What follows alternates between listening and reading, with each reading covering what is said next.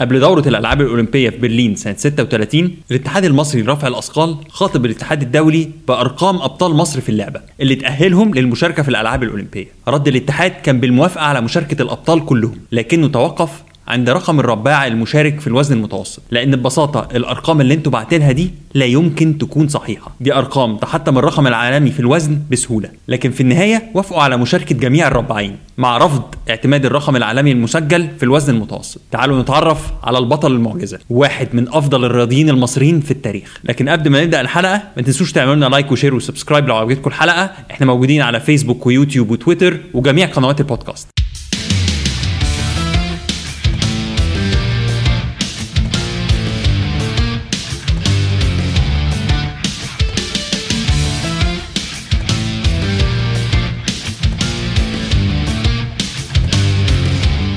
العالم كله عرف قوة الرباعين المصريين في الدورة الأولمبية في أمستردام سنة 28 من جميع الرباعين المشاركين في الدورة ثلاثة بس كانوا من خارج أوروبا. اثنين من الأرجنتين وما حققوش أي أرقام تذكر. والمصري سيد نصير والحاصل على أول ذهبية في تاريخ مصر. بعد فوزه في وزن فوق المتوسط. في المجمل البعثة المصرية المكونة من 32 رياضي حققت ثالث أفضل إنجاز ليها برصيد أربع ميداليات اتنين ذهب وفضية وبرونزية. بس للأسف مصر ما شاركتش في أولمبياد لوس انجلوس سنة 32 لبعد المسافة ولكنها كانت جاهزة المرة دي للمشاركة في أولمبياد 36 في برلين بأكبر بعثة ليها في وقتها ب 54 رياضي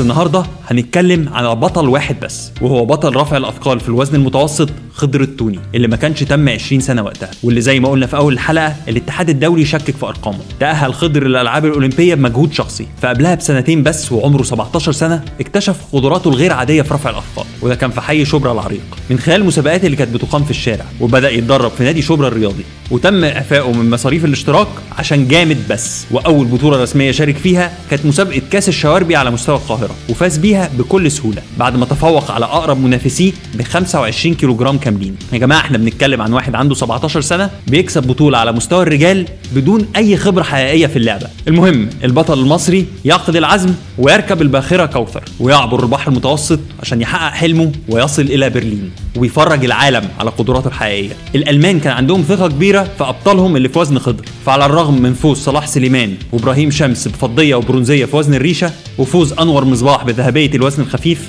إلا إن في الوزن المتوسط ألمانيا كانت بتملك بطلين جامدين جدا وهما رودولف إيزماير وأدولف فاجنر على اسم الزعيم النازي أدولف هتلر. واللي بداية المسابقة اتأخرت بسببه عشان كان عايز يحضر تتويج الألمان بنفسه. الحقيقة خاب أملك يا هتلر.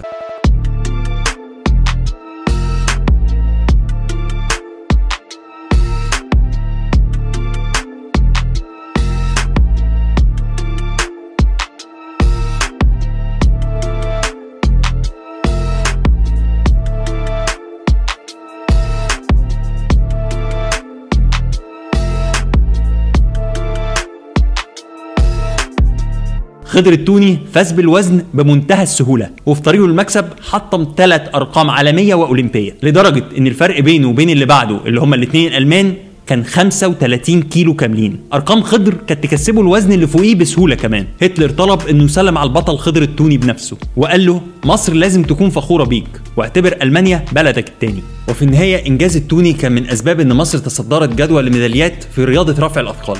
عشان تكون أول وآخر مرة مصر تتصدر لعبة في جدول الألعاب الأولمبية وتحقق أفضل إنجاز ليها بعد ما ختمت الدورة في المركز ال15 على الرغم من إنجاز التوني العظيم إلا إن ممكن نعتبره إن حظه وحش جدا لأنه ما فاز بأي ميدالية تانية على الرغم من إنه حقق أكبر إنجازاته وعمره 19 سنة بس. فالحرب العالمية تقوم وتتلغي دورتين أولمبيتين وفي سن 32 يرجع التوني ويشارك في أولمبياد لندن 48 وهو واثق إنه هيفوز بميدالية جديدة زي ما كان واثق وهو رايح برلين إلا إن في ليلة المسابقة يصاب بالتهاب حاد في الزايدة الدودية. رئيس البعثة يأمر إنه يعمل العملية فورا بناء على نصيحة الدكاترة. رغم كده إلا إن الجميع اتفاجئوا بيه ساعة الميزان تاني يوم وأصر إنه ينافس. ورغم معاناته كان قريب جدا من ميداليه وفاز بالمركز الرابع بعد ما تعادل مع صاحب المركز الثالث لكن فرق الميزان منهم ما نصفوش وطلع بعدها على غرفة العمليات على طول. البطل الخارق رجع بعدها وفاز في بطوله العالم سنة 49 وسنة 50 والرقم العالمي اللي حطمه خضر التوني فضل مسجل باسمه بعدها 13 سنة. واسمه فضل يتصدر قائمة أفضل 50 رباع في التاريخ من خلال المجلة الصادرة من الاتحاد الدولي لمدة 49 سنة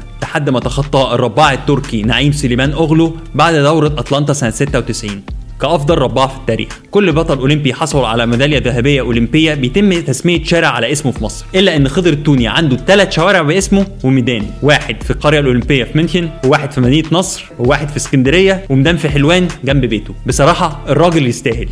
تحية للبطل العظيم خضر التوني